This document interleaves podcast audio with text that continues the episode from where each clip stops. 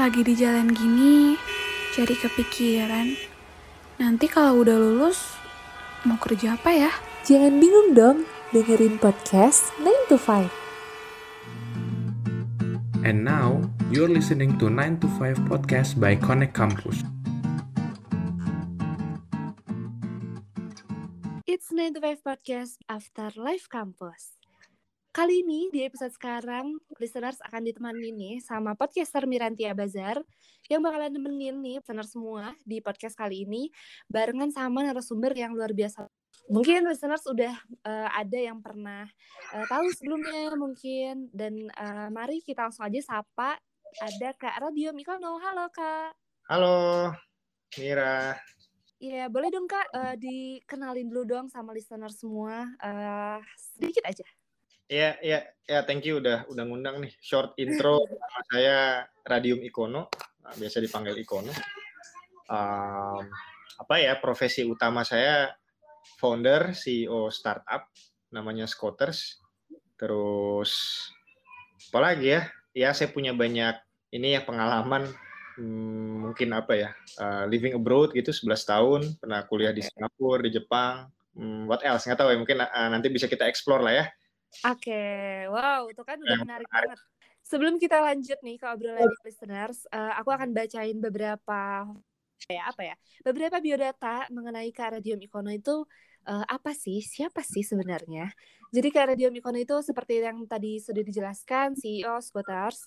Uh, Kak Radium Ikono ini lulusan dari Nanyang Technology University dan juga aktif di organisasi dan komunitas seperti lulusan gelar S1 dan University of Scuba S2 di IPB pun di gelar S3 dan Matsumoto Dental University di S3 juga dan di The University of Tokyo S3 dan Kak Radium Ikono ini punya hobi jalan-jalan.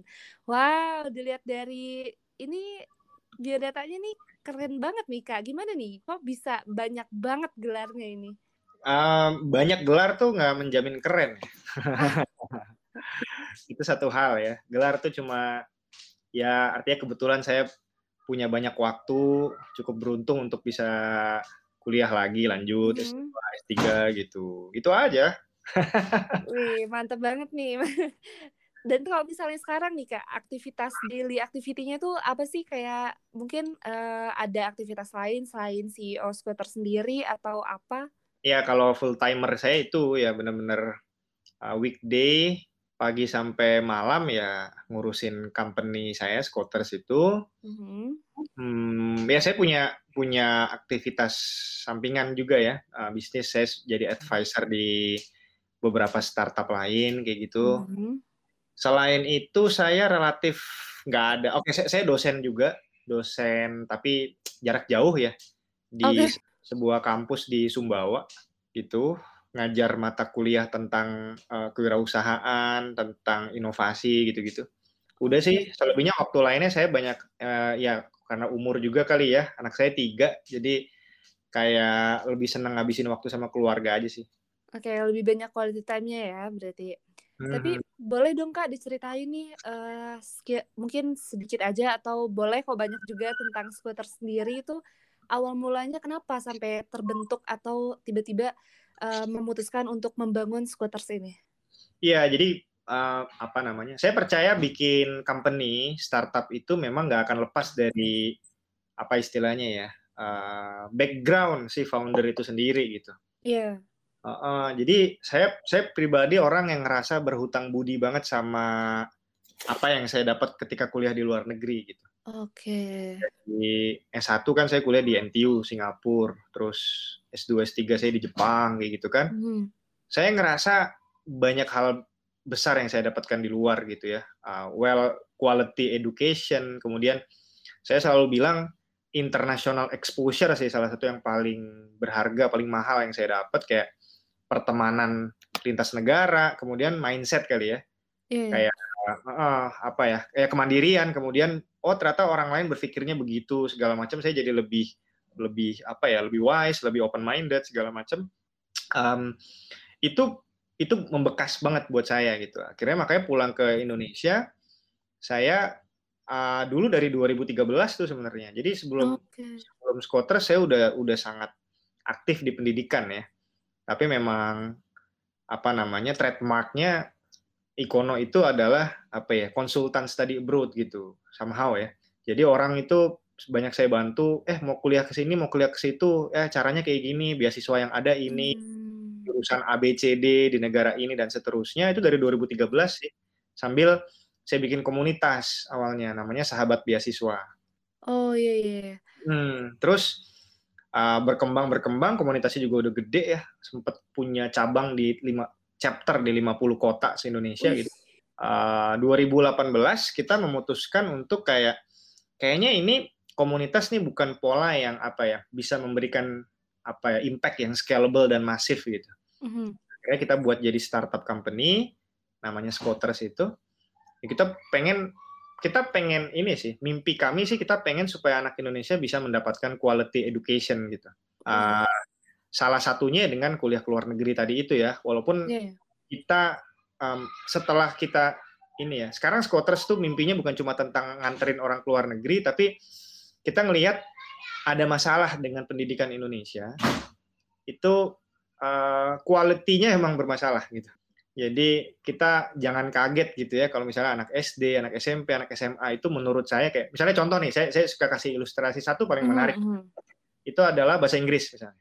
Coba perhatikan, kita belajar bahasa Inggris itu dari kelas 1 SD sampai SMA kelas 3, berarti 12 tahun. Iya. Iya kan? Iya, Saya dari dulu, dari dulu membatin, bertanya-tanya gitu ya. Kita belajar bahasa 12 tahun. Selesai SMA, kita ngobrol sama orang bahasa Inggris. Pasti nggak bisa. Kaku. Iya, 95% saya yakin ketika ngomong bahasa Inggris, itu pasti nggak bisa. Iya. Uh, apa ya, kagok. Intinya nggak bisa lah bahasa Inggrisnya gitu. Jadi kayak uh, nulis juga bermasalah, terus apa segala macam gitu ya. Jadi ada yang ada yang salah dalam cara kita belajar gitu selama ini gitu ya. Salah satu contoh bahasa Inggris tadi gitu ya. Nah, kita pengen Scotters itu menjadi apa ya uh, apa namanya platform lah fasilitator supaya anak-anak Indonesia bisa mendapatkan pendidikan yang lebih berkualitas gitu. Tuh mulai dari mungkin visi dan misinya juga kuat banget ya kak ya untuk dari si mindset itu jadi terbangun terus jadi berkembang juga. Ya rasanya begitu ya. Karena mungkin iri juga gitu ngelihat hmm, negara-negara lain, teman-teman saya di bangsa lain tuh kok mereka ini ya gitu. Uh, misalnya kalau lihat orang India tuh ter, ter, terkagum-kagum gitu ya. Anak-anak anak, anak India itu dari SD tuh mereka diajarin coding. Gitu. Jadi saya dulu punya teman-teman India di Singapura itu semua bisa coding. Serius, Contoh, Kak? Uh -uh. Terus saya punya kesan dalam beberapa kasus balik lagi ke bahasa Inggris tadi ya. Yeah. Saya kalau ngobrol sama orang dari berbagai negara, saya tuh punya kesan orang Indonesia itu salah satu yang paling minder dalam berbahasa gitu. Kayak kita bahkan tidak lebih bagus misalnya daripada orang Filipina dalam berbahasa Inggris atau hmm. uh, bangsa Asia lain lah yang seharusnya kita cukup sejajar sama mereka secara ekonomi gitu-gitu kan. Yeah. Iya. Uh, itu ngebuka mata saya bahwa emang kayak ya kita harus melakukan sesuatu sih sama pendidikan Indonesia nggak bisa gini-gini doang uh, dan saya percaya ini sih apa ya ya terus terang saya terinspirasi banget sama gerakan-gerakan uh, Gojek Tokopedia gitu ya menurut saya hmm. Itu bukan cuma tentang membuat perusahaan uh, orang bilang startup apa segala macam yeah, itu yeah. kalau saya selalu bilang startup itu sebenarnya tentang idealisme apa apa hal besar yang ingin kita wujudkan dan kita lakukan untuk memberikan impact buat society gitu. Kalau kalau saya ngeliat startup tuh sebenarnya itu. Bener banget sih kak, itu bener banget. Kadang gimana ya banyak orang yang yang salah gitu, salah uh, menilai kayak banyak startup yang bersaing, terus mereka kayak oh ini cuma bisnis doang gitu. Ternyata banyak juga yang mungkin banyak listeners yang belum tahu uh, Squatters mungkin dengan dengar podcast ini jadi lebih tahu dan ini bermanfaat banget sih menurut aku ya kak ya. Dan mungkin ada nggak sih kak problem problem-problem yang yang sebenarnya itu terjadi ketika mau mewujudkan uh, mimpi dari anak-anak mungkin yang atau mahasiswa-mahasiswa yang mau kuliah ke luar negeri atau yang mau mengikuti jejak kakak gitu? Um, kendala yang dihadapi ya pertanyaannya? Iya, yeah, yeah, problemnya. Iya, jadi jadi gini, jadi gini. Saya, uh, kendala yang saya hadapi itu adalah menurut saya ya itu rendahnya apa ya istilahnya ya ya kemampuan anak-anak Indonesia pada akhirnya gitu. Jadi saya agak shock gitu melihat misalnya anak SMA kelas 12 bahasa Inggrisnya masih segitu-segitu doang, level matematikanya segitu-segitu doang. Jadi apa ya? Ya kurang kompetitif gitu kalau dibandingkan sama teman-teman dari negara lain gitu. Itu okay. salah salah satu isu terbesarnya ya. Jadi yeah. ya bahasa sih paling signifikan sebenarnya bahasa orang datang ke Scooters yang pertama kali kita biasanya benerin itu bahasanya dulu. Oh, jadi di Scooters sendiri tuh jadi ada uh, apa namanya pembelajaran terlebih dahulu atau seperti apa sih sistemnya kak? Ya, jadi Scooters itu sebetulnya gampangnya sebenarnya tutoring platform. Oke. Okay. Uh, bisa belajar apa pun di Scooters, tapi uh, fokusnya sementara ini yang memang terkenal di, di di benak orang popularitas kita itu adalah belajar untuk persiapan kuliah ke luar negeri gitu, hmm. ya kan? Nah untuk ke luar negeri kan yang perlu disiapin banyak nih satu bahasa. Iya pasti. Uh, harus punya IELTS tujuh tujuh setengah atau TOEFL berapa gitu kan? Ya udah kita ada tuh kita menyediakan tutoring bisa one on one atau grouping ya uh, yang uh, anak itu ya udah dia standar mulai IELTS-nya dia cuma 5 atau lima setengah kita coba improve dalam waktu 3 sampai enam bulan naik jadi 7 misalnya kayak gitu. Contoh salah satu bisa mm-hmm. belajar apalagi di Scooters bisa belajar namanya uh, jadi gini kalau mau keluar negeri kalau S1 tuh butuh namanya SAT, butuh A level. Yeah, yeah. Kalau S2 butuh namanya GRE, GMAT gitu ya. Itu semua ada di Scooters jadi kalau dia ngerasa kayak kak saya belum ngerti apa itu SAT apa oh ya sip sini kita ajarin dari nol gitu ya belajar SAT termasuk uh, kita bisa bimbing teman-teman uh, tentang teknik misalnya kayak gimana sih cara untuk menghadapi interview uh, dari pihak hmm. kampus atau dari pihak beasiswa gitu ya misalnya itu kita bisa hmm. aja cara jawabnya yang bagus gimana kita bisa ajarin cara nulis esai atau motivation letter itu gimana sih yang bagus yang meyakinkan uh, gimana cara ngerapihin CV supaya lebih meyakinkan lagi dan seterusnya. Itu uh, yang ada di dalam platformnya Scotters sebenarnya itu ya. Um, okay. sampai saat ini gitu ya. Cuman sekali lagi kami lagi coba ngelebarin nih uh, karena ternyata irisannya bisa ke mana-mana. Jadi belakangan kita juga offer tutoring untuk uh, misalnya contoh ya uh, misalnya mau belajar olimpiade gitu ya. Buat anak SMP SMA itu Scotters kita sekarang udah offer itu juga atau mau belajar bahkan uh, kita baru banget nih ngebuka mau belajar coding atau belajar digital marketing pun sebenarnya ada juga di di Scooters gitu. Jadi makanya positioning kita tuh pokoknya kalau mau belajar dengan apa istilahnya ya uh, pengajar yang berkualitas ya quality hmm. education gitu ya itu datangnya ke Scooters gitu kira-kira. Wih keren banget itu benar-benar jadi disediakan ada di semua yang dibutuhkan untuk jenjang yang lebih tinggi lagi gitu ya kak ya.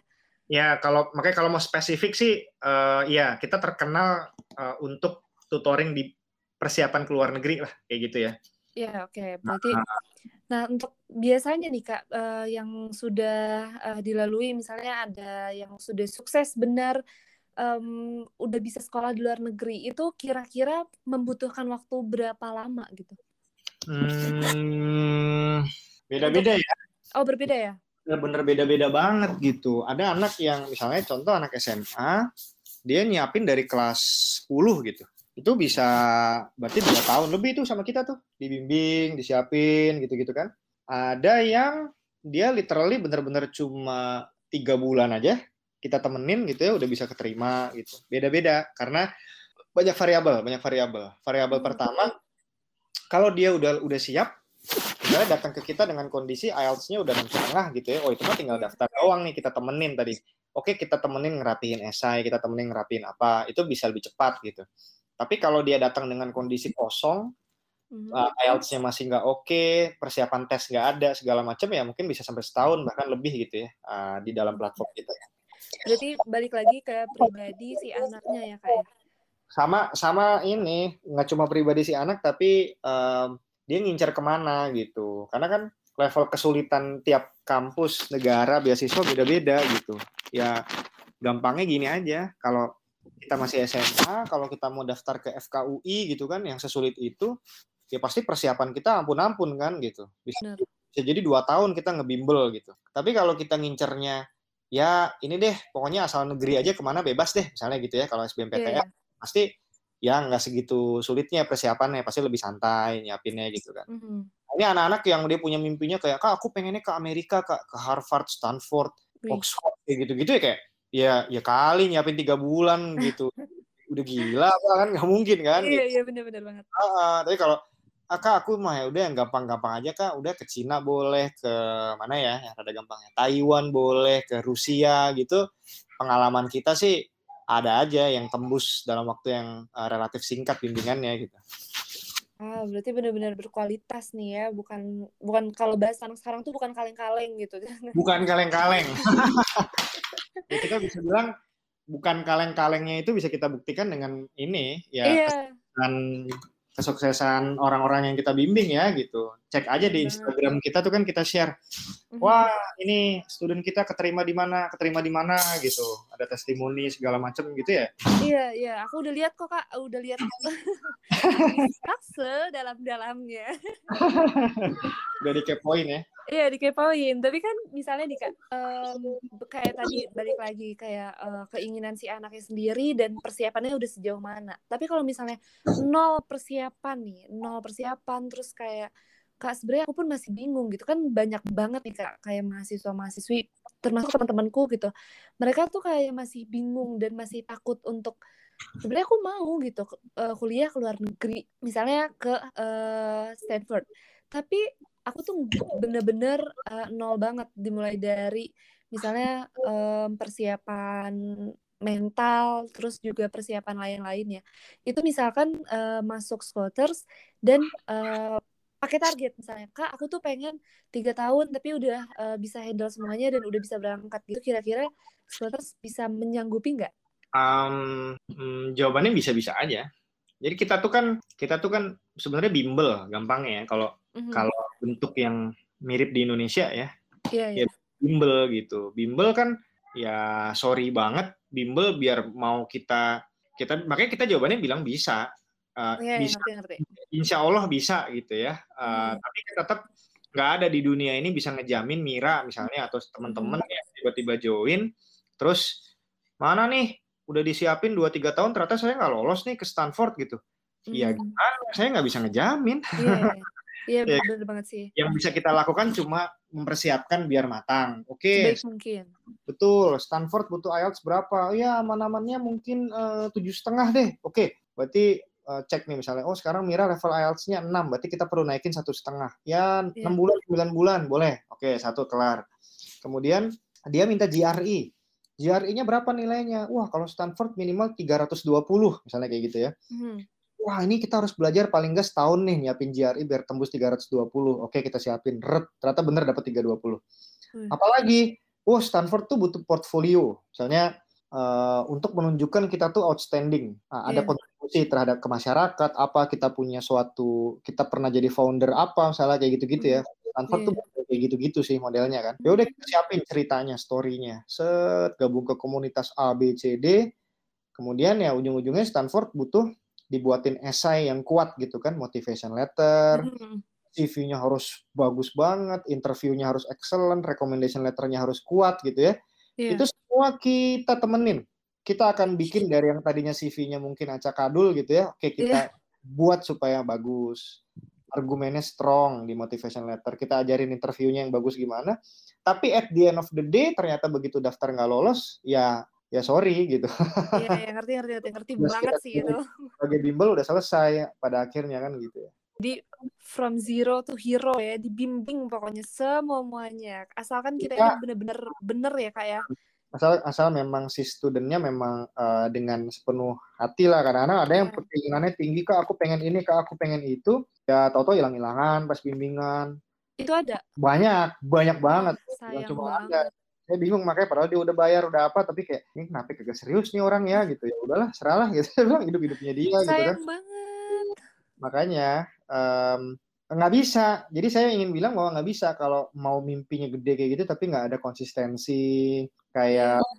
hari ini nyelesain apa minggu depan nyelesain apa itu harus bisa direncanakan. Kalau nggak ya ya mimpi doang lah kalau kayak gitu mah benar harus well preparation ya kak. Tapi dengan ini kan kalau misalnya dilihat dari backgroundnya kakak nih ini pasti menghabiskan waktu yang panjang banget nih kak. Sesuai dengan pengalaman kakak, boleh dong diceritain mungkin ada perjuangan yang menariknya atau banyak sedihnya atau gimana? Eh, uh, apa ya? Ada hmm. dong pasti kayak mungkin perjuangan yang kalau orang bilang tuh kayak berdarah-darahnya gitu. Ini perjuangannya segininya loh gitu. Kan pasti ketika orang uh, tadi seperti kakak bilang di awal pasti melihat dari si latar belakang si founder atau si CEO-nya dari dari Squatters ini. Nah, ini kakak kan tadi aku bilang kak keren banget terus tiba-tiba bilang ya boleh dong sekarang diceritain gitu mungkin dari dari perjuangan kakak gitu mungkin bisa menginspirasi listeners juga nih. Yeah, yeah. Nah, gini, gini. kalau saya, saya saya mau cerita apa adanya ya. Saya iya, saya boleh banget. Saya tuh gini, ya menurut saya banyak juga orang tuh motivator gitu kan membuat cerita supaya kelihatan keren. Hmm. saya saya enggak lah, saya mau cerita apa adanya. Pertama gini, saya mau cerita, saya nggak sehebat orang-orang yang memang segitu inspiringnya. Pertama-tama saya orangnya dari awal saya udah privilege menurut saya. Ya, orang tua saya dosen, ibu saya guru gitu. Jadi yeah. saya suka, suka suka berpikir gitu, oh, pantas aja dari SD saya itu juara terus misalnya gitu, juara umum okay. gitu. Ya, emang anaknya dari genetically udah genetically udah mungkin udah beda gitu ya, udah gifted mm -hmm. gitu. Jadi saya ngerasa kayak ya ya udah ya ya alhamdulillah ya kebetulan gitu ya orang saya pinter-pinter nurun ke anak gitu. Iya. Yeah. Sampai SMP sampai SMA gitu ya. Uh, tapi memang mungkin ya kalau boleh satu hal yang uh, secara jujur menurut saya ini mungkin saya perlu sampaikan untuk jadi pelajaran orang banyak gitu ya. Mm-hmm. Saya tuh biarpun oke okay, saya pintar, saya ngerasa diri saya pintar gitu ya, privilege sekali lagi tadi. Yeah. Iya. Uh, saya tuh punya sebuah karakteristik, saya tuh senang mencoba hal baru gitu. Okay. Makanya makanya ya gini misalnya saya dulu SD SMP di Depok gitu ya. Terus tapi uh, aduh pengen menantang diri ini melakukan hal yang agak beda gitu. Makanya saya SMA-nya di Jakarta. Oh, rantau. Ya, sama agak rantau lah dulu pas SMA saya tinggal di rumah om gitu kan. Okay. Terus dari sejak SMA kelas 1 saya udah mikir kayak dari SMA kelas 1 tuh saya pokoknya nggak mau kuliah di Indonesia. Bukan bilang kayak ITB jelek, UI jelek enggak, itu kampus bagus hmm. lah kita tahu gitu. Tapi saya ngerasa saya butuh tantangan. Saya kayaknya kalau keluar negeri saya akan mendapatkan suatu tantangan baru yang akan membuat diri saya jadi lebih hebat gitu. Oke. Okay. Dari kelas 1 tuh saya udah mikir kayak gitu dan ya alhamdulillah kesampaian saya dapat di Singapura. Udah terus uh, apa ya ya sifat karakteristik saya itu nggak nggak hilang ya sampai lulus kuliah orang lain memilih kerja misalnya kayak gitu ya saya bikin bisnis gitu dari zamannya zaman yang saat itu startup aja belum terkenal terkenal banget gitu orang Tapi belum sudah ada membangun gitu ya saya udah bikin dulu 2012 tuh saya kan punya ada satu startup di bidang nanoteknologi saya bikin gitu kan uh, jatuh bangun tuh ya saya pernah bangkrut saya pernah ngutang bermiliar-miliar, nggak tahu gimana cara bayar itu utang segala macam ya. Wow. Ya buah dari kenekatan saya gitu ya. Iya, iya. Uh, akhirnya saya punya sebuah karakteristik mungkin agak unik ya, yaitu gimana ya? Saya tuh kalau gagal tuh nggak nggak down down banget ya. malah malah suka bingung kalau ada orang lihat orang yang terus dia gagal terus jatuh terus apa terus kayak aduh hidup saya berakhir saya waduh itu kayak ya nggak lemah banget sih lu gitu dalam hati ya kadang-kadang ya saya suka iya, iya, iya. karena saya justru tumbuh dengan dengan mungkin tadi ya banyak kegagalan banyak hal nekat yang saya lakukan terus berujung gagal uh, akhirnya itu jadi biasa aja gitu ya uh, belajar dari kegagalan menikmati kegagalan uh, sampai akhirnya ya ketemulah pakem yang agak pas lah gitu ya supaya nggak gagal lagi gitu kan hmm, iya yeah. walaupun ya namanya bikin company kayak sekarang saya bikin squatters ini uh, ya nauzubillah lah saya nggak bilang bahwa ini akan gagal atau gimana tapi pasti namanya bikin bisnis ada selalu ada kemungkinan kalau kita nggak hati-hati akan gagal segala macam yep. gitu ya tapi, tapi karena saya udah belajar dari kegagalan-kegagalan yang lalu segala macam saya ngerasa ya jadi lebih matang aja gitu. oke hikmahnya ya mm -mm. berarti ada jiwa kompetitif yang tinggi banget nih di Kak Ikono ini tuh hmm, nggak juga ya Kenapa tuh? Juga, enggak juga. Saya tuh enggak terlalu kompetitif orangnya, biasa aja. Saya tuh lebih ke lebih ke senang sama tantangan, senang mencoba hal baru, lebih ke sana. Itu kan itu kan bukan kompetitif, kompetitif kan terhadap orang lain gitu. Iya, yeah, yeah. berarti perjuangannya juga enggak sedikit gitu untuk nyampe di titik ini gitu dan kalau misalnya ada pejuang-pejuang profesi kakak ini kayak misalnya aku tuh pengen banget nih jadi uh, eh, CEO dari perusahaanku sendiri misalnya Hmm. Boleh dong mungkin persiapan apa nih yang tepat untuk uh, kita lakukan gitu selain mungkin yang pasti belajar dengan giat ya, belajar dan mengetahui uh, tujuan yang jelas gitu. Selain itu boleh dong Kak dikasih tips gitu mungkin uh, dari pembelajaran yang Kakak punya gitu. Iya, iya, iya. Saya bisa cerita banyak justru karena saya sering gagal nih kalau ngomongin yeah. startup ya sama menjadi CEO gitu ya. Um, menurut saya gini, pertama-tama uh, bikin startup tuh susah. Awal-awal pas kita kita misalnya kita teman-teman kan sekarang nih even mahasiswa aja banyak yang ini ya bikin produk, bikin website, yeah. coba diluncurin ternyata bener ada orang yang mau bayar di situ, wah kita euforia awal-awal kan. Iya benar. Wah ternyata produk kita bagus, website kita bagus nih, uh, atau kita bikin aplikasi ternyata aplikasi kita bagus gitu ya segala macam. Mm-hmm. Tapi saya bilang itu tuh bulan madu doang itu. Benar-benar bulan madu doang sebagai seorang entrepreneur gitu. Begitu nanti kita menginjak angka ini ya ratusan juta atau miliaran per bulan gitu ya. Oh itu udah itu itu level level stresnya beda. Oke. Okay. Level level penyelesaian masalahnya beda, problem solvingnya gitu. Kita kalau dagang-dagang masih ketimbang cuma sebulan dapat 5 juta, 10 juta, 50 juta, buat saya itu ya gampang lah itu. Maaf ya, bukan maksud gimana yeah, ya. Yeah apa Gampangnya, gampangnya as in kayak itu level problem solvingnya biasa banget gitu, ya. Yeah. Uh, Oke, okay, gitu gitu misalnya 50 ya. juta tuh kayak kita bikin produk, kita perbagus, kita poles sampai akhirnya orang mau bayar segitu gitu ya. Itu masih masih masih masih masih cetek lah. Masuk ke ratusan juta, masuk ke miliaran, itu kita udah mulai pusing. Gimana nih ada orang komplain ini? Gimana ya kita harus meningkatkan supaya company saya grow uh, marketingnya gitu. Kok saya udah tiga bulan, enam bulan terakhir ini stuck ya, uh, omset saya nggak naik, stuck di 500 juta, 500 juta, 500 juta segala macam. Sementara expense-nya naik terus misalnya atau apa kayak gitu-gitu. Sementara kompetitor makin banyak dan seterusnya. Itu saya mau bilang satu hal, itu butuh kepintaran sih, butuh butuh butuh smartness tuh situ. Ya, yeah. street tapi street smart ya. Saya bilang di titik itu menurut saya IPK tuh udah nggak nggak nggak nggak penting lagi tuh. hmm jam terbang lebih penting ya. Jam terbang. Nah, saya mau lompat ke situ, bener banget Mira. Saya mau bilang, Anda akan bisa jadi founder atau CEO yang smart kalau sering hmm, ketemu masalah dan menyelesaikannya gitu. Berhasil ya. menyelesaikannya.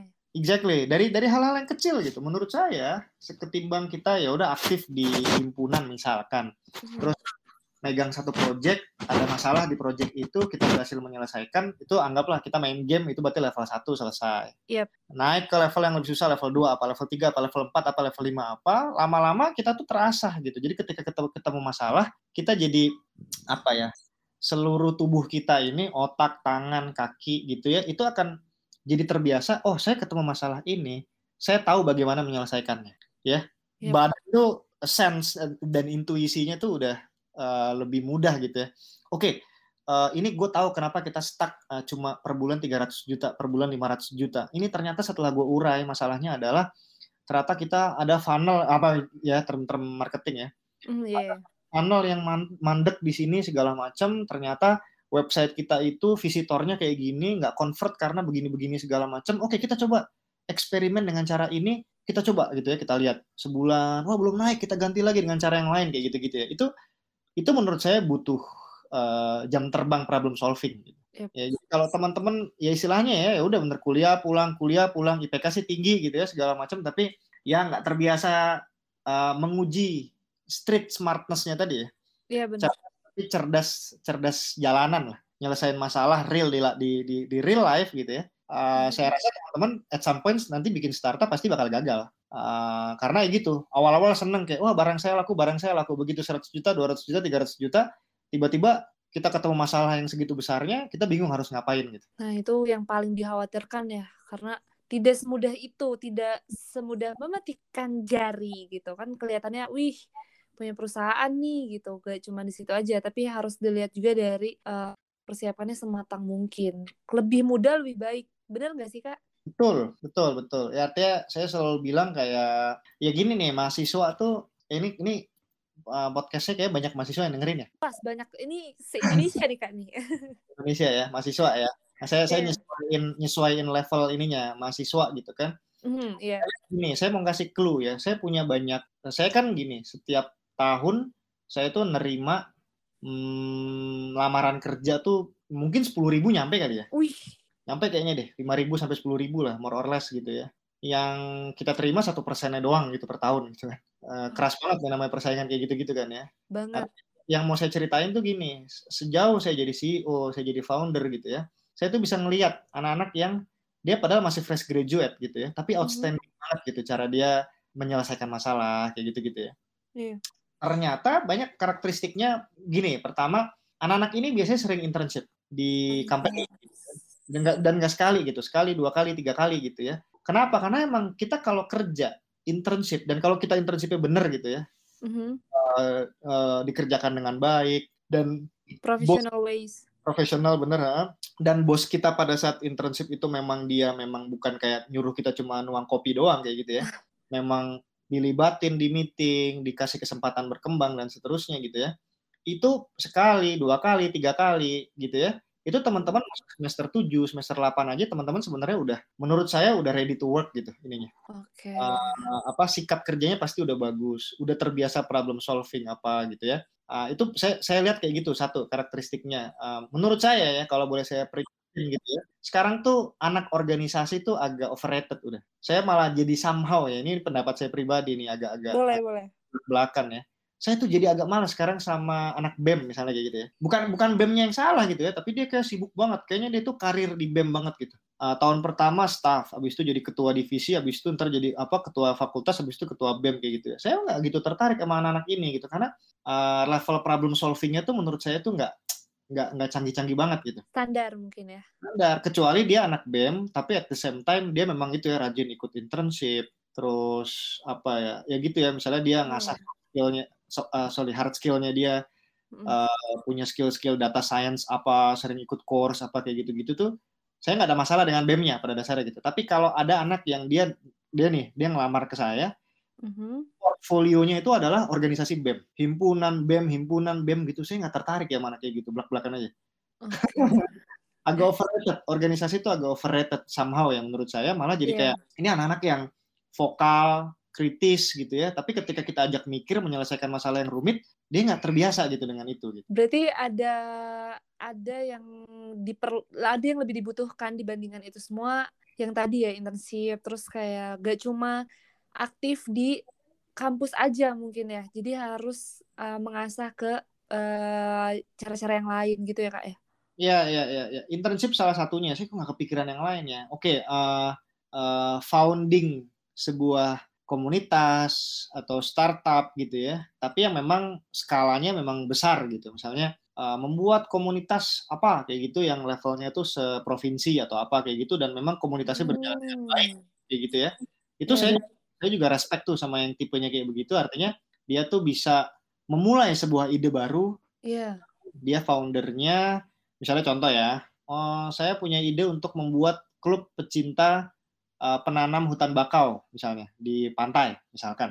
Mm-hmm. Uh, dari nol dia buat itu sampai komunitas itu isinya ada ada 2000 orang misalnya gitu ya. Yeah. Dan iya. setiap setiap bulan aktif ke Pangandaran, ke mana segala macam untuk uh, nanam bakau, diliput di koran atau apa segala macam. Wah, saya bakal respect banget tuh sama orang yang tipenya kayak begitu gitu ya. Jadi yeah.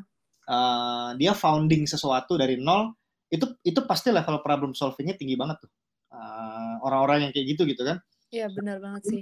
Pasti ketika dia ngumpulin 500 orang, 1000 orang, pasti isinya masalah doang tuh. Dia dimaki-maki lah, ah. dia, dibohongin orang lah, dia diapain lah segala macem. Tapi dia tough, berjuang dan bisa solve that problem. Itu uh, nunjukin dia cukup matang. Dan saya seneng sama yang kayak gitu-gitu juga tuh tipenya.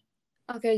Karena beragam banget ya kak sebenarnya problem setelah ada di lapangan tuh berbeda dengan teori-teori doang atau cuma sekedar syarat ikut ini dan ikut itu. Jadi ini harus berinovasi. Iya, iya, iya berinovasi. Bener, aku sepakat. Aku senang banget ngeliat mahasiswa-mahasiswa sekarang yang waktunya tuh habis untuk tadi berinovasi sih, bener. Ya, Dalam wow.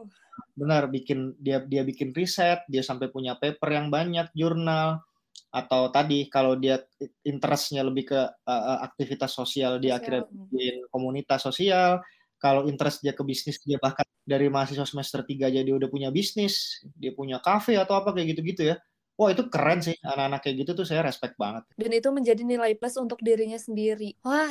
Ya, bener banget. Ini ini seru banget sih obrolan kayak ternyata tidak semudah itu, tidak tidak segampang itu karena ya bisa dilihat mungkin ya kalau misalnya balik lagi kita memilih untuk jalan yang mana nih? Menjadi yang seperti biasa-biasa aja atau menjadi yang terbaik gitu? Nah untuk uh, kak Ikono nah, sendiri? Apa Mira nih? Ini itu tuh tadi statement tadi menarik ya. Iya gimana tuh? Jadi saya suka bingung maksudnya gini ya. Kalau ada mahasiswa kan biasanya idealis ya. Banyak banget kak. Iya kan? Cita-citanya mau jadi menteri Iya. Terus cita-citanya mau jadi startup founder kayak Nadiem Makarim kan kayak gitu-gitu ya. Iya, iya, iya benar.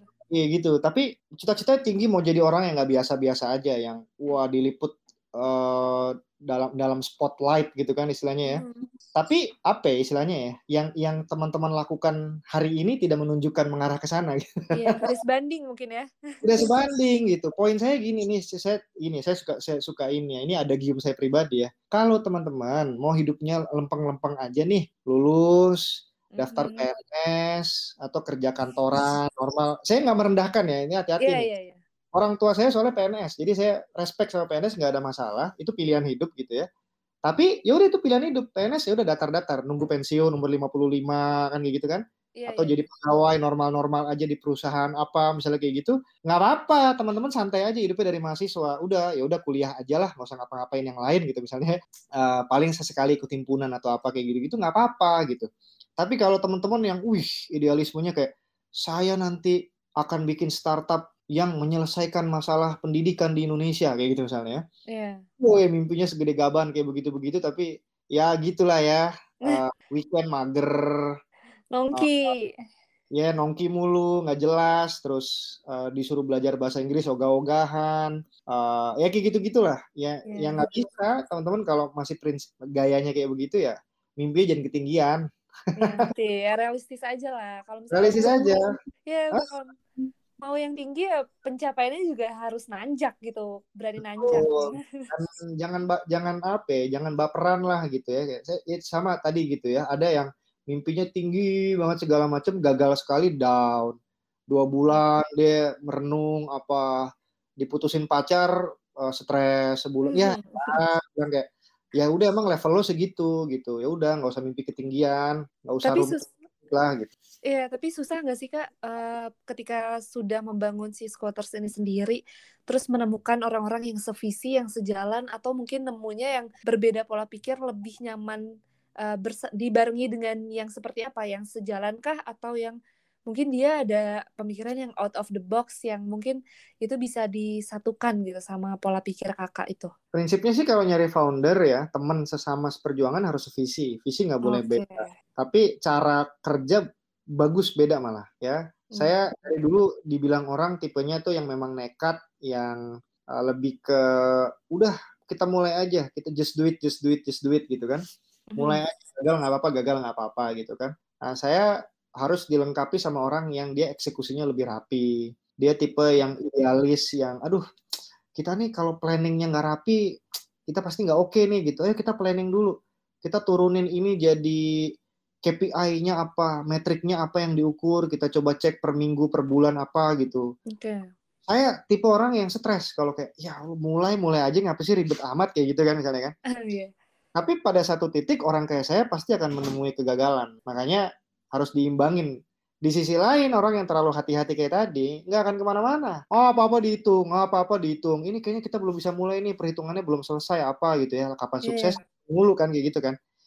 Nah jadi eh, menurut saya mencari uh, co-founder yang bisa saling melengkapi itu menurut saya anugerah banget. Sportif ya? Ya, ya kira-kira gitu. Ha. Wow, ternyata di balik eh, startup mungkin, apalagi ini di bidang pendidikan ya kak, nggak banyak orang yang uh, terjun ke sini jadi benar-benar harus ekstra banget. Ini kalau misalnya Skutars ini benar-benar menjadi satu-satunya di bidang pendidikan startup satu-satunya di bidang pendidikan yang uh, sukses di aku nggak akan aneh karena aku sekarang udah tahu dan mengenali Kak Ikono ini sendiri bersama timnya mungkin ya. Jadi uh, buat listener semua nih uh, setelah tahu mungkin dari background dan banyak memetik pelajaran juga dari obrolan aku dan Kak Ikono tadi. Boleh banget teman-teman uh, semakin penasaran mungkin dicek Instagramnya di @scooters bener ya Kak ya? Ya, Scooters. Mungkin ada yang lain uh, SCHO SCHO TERS ya. Agamanya ya. agak suka salah orang. Betul udah di spill ya sama Kak Ikono sendiri dan mungkin ada mungkin di uh, channel lain mungkin Kak ada YouTube-nya atau apa? YouTube nggak terlalu aktif. Atau aplikasi mungkin yang bi mungkin bisa orang bisa uh, lebih mengenal lebih dalam lagi tentang si Scooters ini. Saya personally lebih suka eh, lihat lihat Instagram aja karena kita lebih update rutin justru Instagram. Oke. Okay. Kalau mau lihat yang bentuknya lebih proper website bisa juga. Website ya, tuh. Press.com. Tuh, pasti uh, aku yakin banget nih listeners mungkin ada yang uh, beberapa orang yang mungkin belum tahu atau yang ternyata ini selama ini dicari ternyata ada juga ya gitu. Karena jujur Kak, aku sendiri baru baru-baru ini mungkin bulan yang lalu mungkin ya tahu scooters gitu dan loh kok ini ada ya gitu. Maksudnya uh, sosialisasinya kok nggak ada ya sebelumnya gitu. Belum, banget belum rame ya. Iya, dan ini tuh uh, menurut aku ini perlu banget disosialisasi lebih luas lagi karena banyak banget pasti listeners yang membutuhkan uh, scooters ini gitu. Boleh menjadi pertimbangan mungkin. Karena ini benar-benar sangat menarik kak. Aku sangat mengapresiasi banget adanya scooters ini terlepas perjuangannya yang sangat keras banget gitu tadi di sendiri. Nah, teman-teman boleh banget mungkin ada uh, sesuatu mungkin yang mau ditanyakan langsung secara rahasia, mungkin nggak di podcast kampus, boleh langsung ke Kak Ikono, itu boleh nggak Kak? Oh, boleh dong. Boleh banget ya, terbuka nih, benar nih. Open, open. Open. Tuh, udah dapat izin nih teman-teman. Boleh, jadi uh, boleh di-spill mungkin melalui DM di Instagramnya. DM, DM Instagram ke saya aja. Nama. Iya, Instagramnya boleh di-spill Kak. Instagramnya nama lengkap saya Radium Ikono nyambung. Oke, itu nggak aneh-aneh. Jadi nggak perlu nyari-nyari yang ada underscore dan dot dan segala nah, macam. Dan kayaknya belum ada fake account sih kalau saya mah. belum terkenal. Jadi aman ya. Oke, gitu listeners. Jadi obrolan hari ini di episode ini tuh benar-benar padat banget. Aku bisa bilang padat karena banyak banget poin-poin yang ternyata itu jalan yang tepat yang sangat harus dilalui oleh seorang CEO startup, apalagi di bidang pendidikan. Nah, untuk mungkin listeners yang pengen gabung di Scooters, boleh banget di stuck-stuck dulu kayak aku tadi gitu ya, Instagramnya gitu, sampai memperdalam, sampai akhirnya tertain mungkin ke sahabat, temen, boleh banget suruh denger podcast ini ya Kak ya. Yes.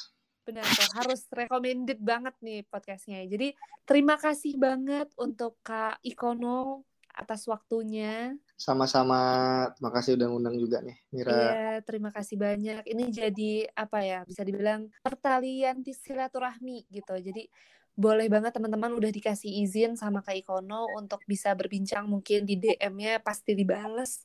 Pasti dibales ya Kak ya? Uh, insya Allah, insya Allah. Maksud paling ini aja, uh, kasih konteks sedikit aja kayak saya yang denger podcast kemarin mau nanya ini apa segala macam gitu uh, aman lah Oke, terima kasih sekali lagi Kak Ikono. Kita udah ada acara dan terima kasih juga buat listeners. Jangan sampai ketinggalan episode selanjutnya tetap di Night Podcast. Terima kasih Kak Ikono. Selamat Sama-sama. malam. Sekarang gue jadi tahu mau kerja di mana setelah lulus nanti. And now, you're listening to 9 to 5 podcast by Connect Campus.